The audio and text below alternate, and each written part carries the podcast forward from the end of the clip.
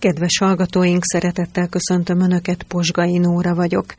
Folytatjuk két héttel ezelőtt megkezdett sétánkat Bajor Gizi villájában, a Bajor Gizi Színész Múzeumban.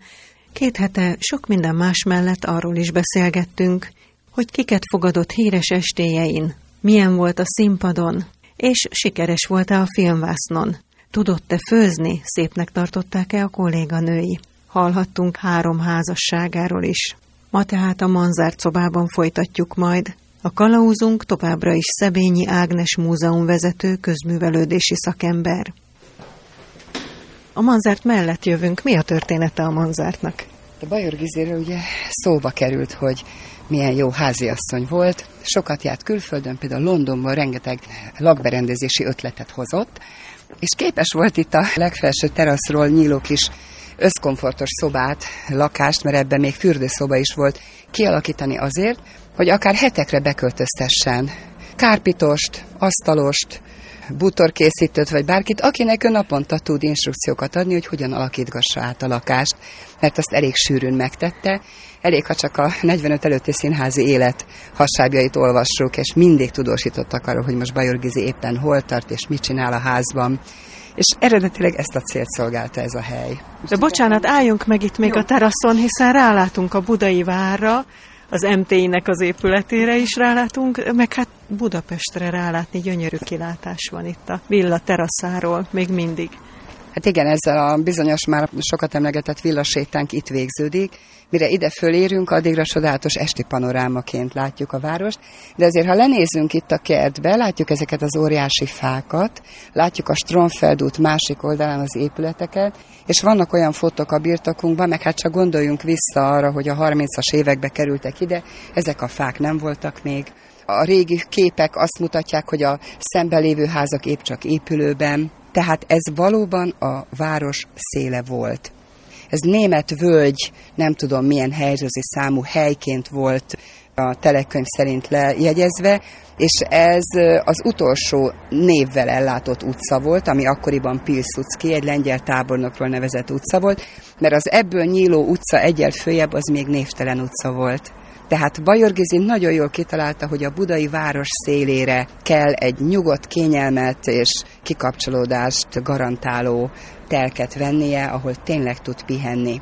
És megint csak az ő színészi presztízsét jelzi, hogy képes volt levelet írni a Budapesti Közlekedési Részvénytársaságnak, mert itt fordult meg a hármas busz, és az őt zavarta és a válaszlevele van a birtokunkban, egy könyvként ki is van ez adva. Azt írja neki Márkus Jenő, a közlekedési részvénytársaság vezérigazgató helyettese, egy mellékelt helyszínrajzot mutat neki, hogy drága művésznő, kedves Gizike, reméljük teljes megelégedésére szolgál, hogy ezentúl a hármas busz nem az ön utcájában fordul meg, hanem egyen lejjebb. Belépünk ebbe a kis lakásba. Most már ez egy teljesen modern kis lakást, itt végződik általában a villabejárás, itt kínáljátok meg a vendégeket egy kis forradborral, bajorgizi féle pirítóssal, de itt kell, hogy beszéljünk a történelemnek arról a sötét időszakáról, amikor zsidó üldözések voltak. Bajorgizinek milyen szerepe volt? Nagyon nagy bátorságról tett bizonságot, de az élet hozta számára, hogy valószínű úgy érezte, nincs más választása, hisz a férje Germán Tibor zsidó származású volt, és munkaszolgálatra föl volt írva a németeknél, jöttek is érte, de ő megelőzte őket, és ahol most állunk, ebben a tetőtéri manzárt szobában bújtatta a férjét, egy dupla falu szekrény mögött, elképesztő, tényleg ilyen szinte bűnügyi történet.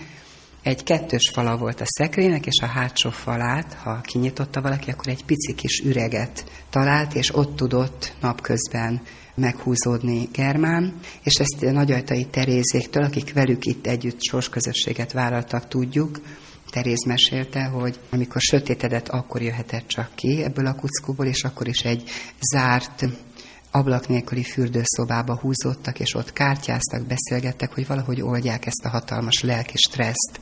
Hosszú hetekről beszélünk, amíg ez megtörtént, és ami valószínű, hogy egyszerűen elképzelhetetlen számunkra, amit tudjuk, hogy többször volt itt házkutatás, és nem találták meg Germán Tibort, és ráadásul az a, itt a kerületben portyázó, retteget kumpáter volt az, akiről lehet sokat hallani.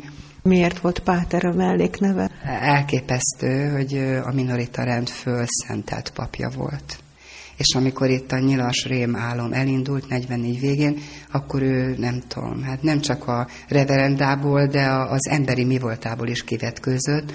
44-ben a rend ki is zárta a sorai közül, és a válogatott kegyetlenségek fűződnek a nevéhez, a Városmajor utcában volt egy pártház, azt hiszem a 37-es szám alatt, és oda hurcolták az általuk elítélendő meggyilkolandó emberek sokaságát, és egyébként Vajda Miklós, akiről beszéltem. Aki a keresztfia volt, Bajor Gizinek nagyon szeretett keresztfia. Fél zsidó származásánál fogva őket is behurcolták ebbe a pártházba, a Vajda Miklóst és az édesanyját, és Bajor Gizi személyesen ment be értük, és mentette ki őket, a svéd követet hívva segítségül, aki németül próbált szót érteni ezekkel a nyilasokkal, és így tudta kihozni a többieket. Ez is Bajor Gizi karakánságát és bátorságát mutatja, hogy bemert oda menni. Visszatérve Germán Tiborra, Bajor Gizi férjére, akit ő itt bújtatott. Volt egy nagyon érdekes mentő akció, amit Bajor Gizi szervezett, megtévesztési akció, hiszen ő bátor is volt, és ravasz is volt. Igen, a mai fejele el se tudom képzelni, hogy milyen lehetett arra gondolni, hogy magadon kívül senkiben nem bízhatsz. Ha most egy apró történetet elmondhatok még a mostani előtt, a Heltai Jenőnek jelent meg pár éve karácsonyi könyvnapokra egy ostromnaplója, és a Heltainak ott több bejegyzése van Bajor Giziről, akit érdekel, érdemes elolvasni ezt a könyvet, és ott az egyik helyen írja, ugye ők is egy megkülönböztetett házban éltek, és oda Bajor Gizi nem mert a sofőrjével fölmenni, mert tudta a sofőrjéről, hogy fasiszta barát, vagy érzelmű, és ezért nem mert vele, hanem más módon közelítette meg.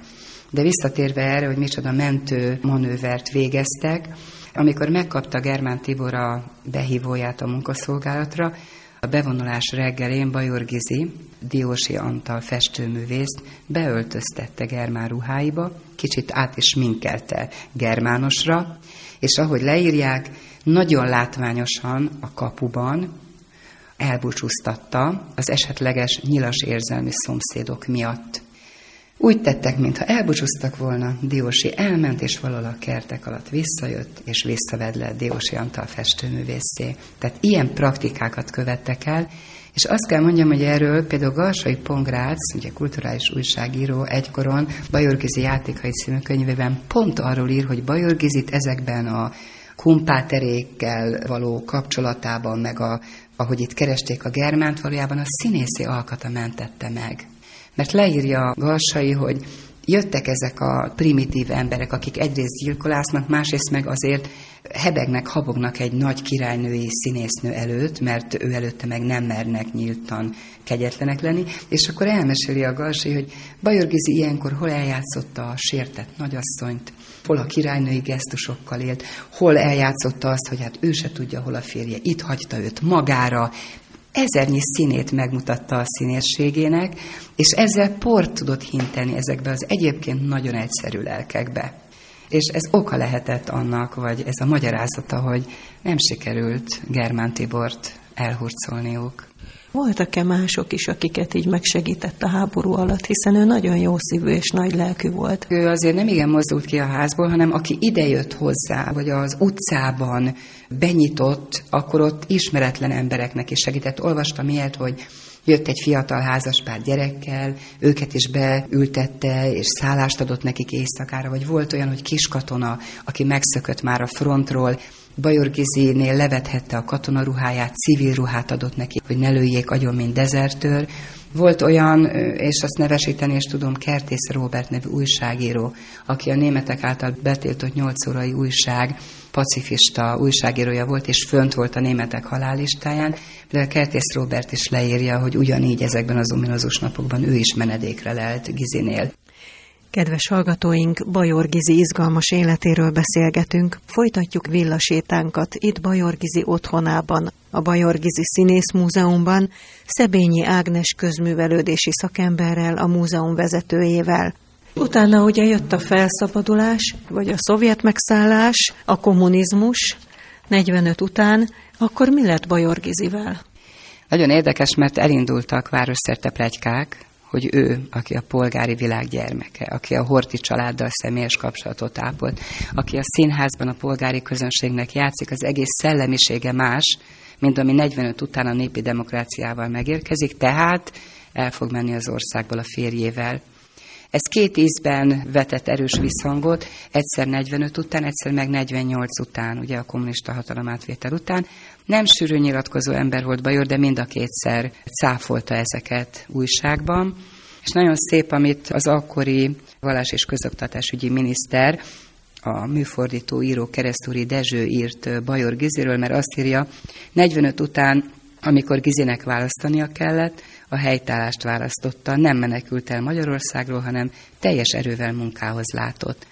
Visszatér a Nemzeti Színházba, bár akkor ott már ugye Major Tamás, mint önjelölt igazgató lesz a színház vezetője, de Major sem tud hozzányúlni, sőt, azt lehet olvasni, hogy 45 után is a nagy népi demokráciában is egyedül Bajor Gizinek minden instrukció előtt kijárt a késcsók. Tehát még mindig meg tudta őrizni valamennyire a presztízsét, és aztán majd erre jön egy igazi színpadi teljesítmény 46-ban, Shakespeare Antonius és Kleopátra című darabját mutatják be. A főszerepben, a címszerepben Timár József oldalán Bajor van, és akik szerették őt, aggódtak érte, mert, mint tudjuk, nem klasszikus szerepekben volt ő igazán a csúcson, és tartott is ezektől, zseniális Kleopátra volt. Egyszer megújította a figurát, és hozott egy pátosztalan, túlhősiességtől mentes, kicsit frivol, kicsit pajkos kamaszlány Kleopátrát, ami zseniális volt és egy olyan fiatal színész, aki elég kritikus is, mint Gábor Miklós, aki egyébként szintén játszott ebben a darabban, kénytelen volt utólag fölülbírálni a nézeteit, miszerint tényleg meg tud újra meg újra főnix madárként újulni ez a színésznő. Milyen kapcsolat fűzte Gobbi Hildához, aki fiatalabb volt nála, de a kommunizmusban fontos szerephez jutott, de mégis valahogy szerethette Bajor Gizit, hiszen ő volt az, aki ezt az épületet, ahol most is vagyunk, Bajor Gizi villáját megmentette a kisajátítástól, és múzeumnak berendezte.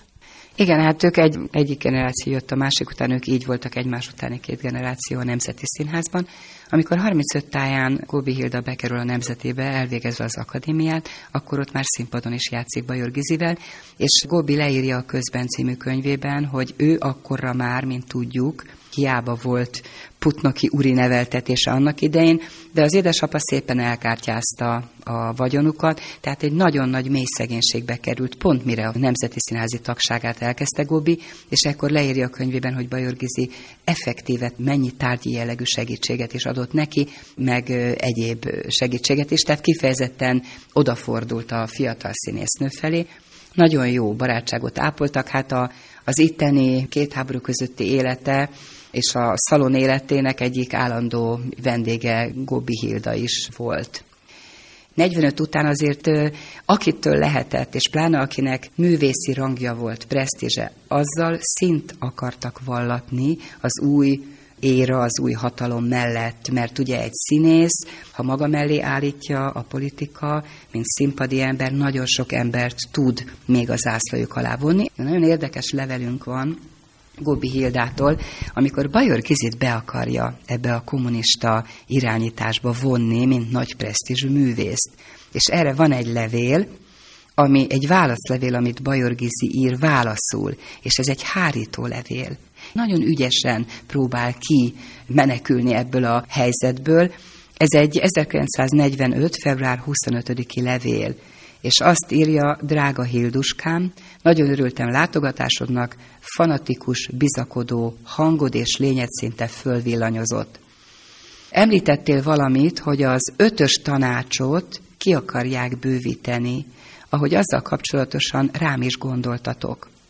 Csak távozásod után gondolkodtam a dolgon, s rájöttem, hogy erre az állásra én semmiképp sem vagyok alkalmas. Elsősorban nem vagyok Pesten, így a nevem szerepelhetne csak, ami ízlésemnek nem felel meg. Ismersz engem, nem tudok és nem is szeretek gyűlésezni, és ez olyan távol áll lényemtől, és elvenném a helyet egy másik, erre alkalmasabb ismerőstől. Ha játszani kell, az más. Akkor örömmel állok rendelkezésetekre. Így arra kérlek, hogy ejtsétek el ezt a kombinációt, legalábbis addig, amíg közibétek nem érkezem. Szeretettel ölellek, Giza. És hát tudjuk, ez az ötös tanács, ez az volt, hogy 45 után a kommunista párt részéről vezető kultúr emberek elkezdték a fővárosi színházi igazgatói posztokat leosztani maguk között. És ebbe a tanácsba szerettek volna egy bajorgizit beemelni, és egészen fantasztikus, ahogy ebből ő ilyen intelligens módon és némileg rafináltan próbál kihátrálni. És nem is szállt be, Elérkeztünk a végkifejlethez, Ágnes, ami szomorú végkifejlet, de azért ezt mindig elmondjátok itt a vezetésen, és azért ez is hozzátartozik Gizi életéhez. Hogyan végezte be életét Bajor Gizi? 48 táján költözhettek vissza három év után a villába, és itt 51. február 12-én történt ez a végzetes reggeli dolog. Azt tudni kell, hogy a Germán, mint ahogy mondtuk is, Germán Tibor kezelte a saját feleségét a süketedésével, a fülbajával. Ezt azért tudjuk, rengetegen mondják, hogy nem szerencsés családtagnak kezelni, mert nem tud objektívan gondolkodni. Germán Tiborről lehet olvasni, hogy mennyire imádta Bajor Gizit, tehát egy kicsit már nem is volt ez olyan egészséges imádat, mennyire rajongva szerette. És ez a nagyfokú szeretete, imádata összetalálkozott az orvos aggodalmával.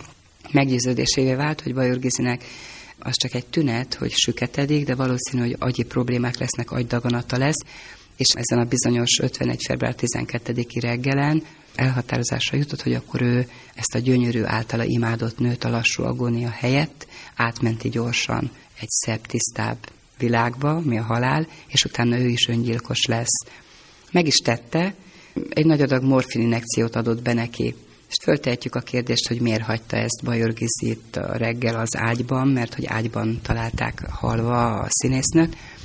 Sokat panaszkodott már előtte közeli barátoknak Bajor, hogy túl gyógykezeli a férje. Tehát, hogy B-vitamin inekciókat ad neki, állandóan orvosokhoz viteti és konzultálni akar, rengeteg vitamint adott neki, tehát hogy itthon is orvosi táskával járkált, tehát olyan volt, mintha nem lett volna már teljesen épp mentálisan.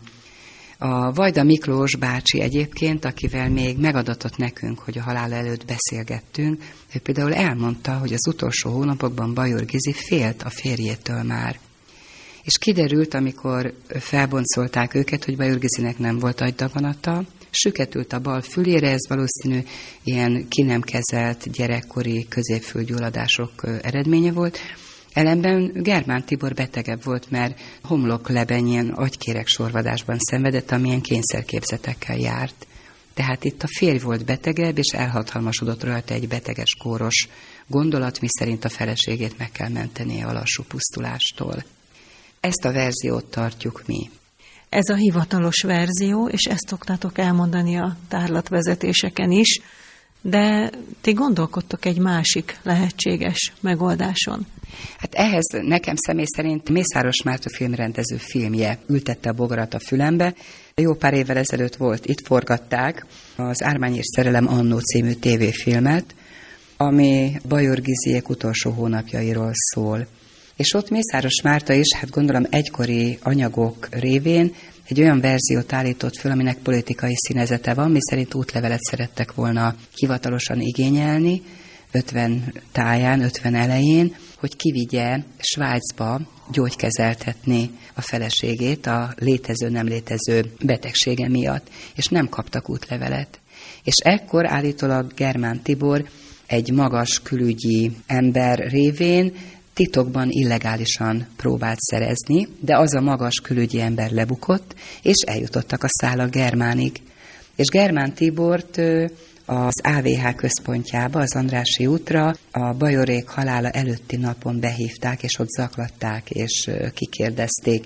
És másnapra, február 12-ére volt állítólag Bajorkiz is behívva de erről az egész ominózus útlevél botrányról Bajor Gizi állítólag nem tudott semmit. És Mészáros Márta is ebben a filmben ezt erősíti meg, hogy Germán agyon aggódta magát azon, hogy most be kell mennie a feleségének, pedig ő próbálta előző nap mondani, hogy nem tud a felesége semmiről, egyébként is beteges állapotban van, zaklatott idegállapotban, hogy őt hagyják békén. Ez a másik verzió nincs megerősítve. Lehet róla hallani, olvasni, valószínű, hogy kutatni kéne még egy témában.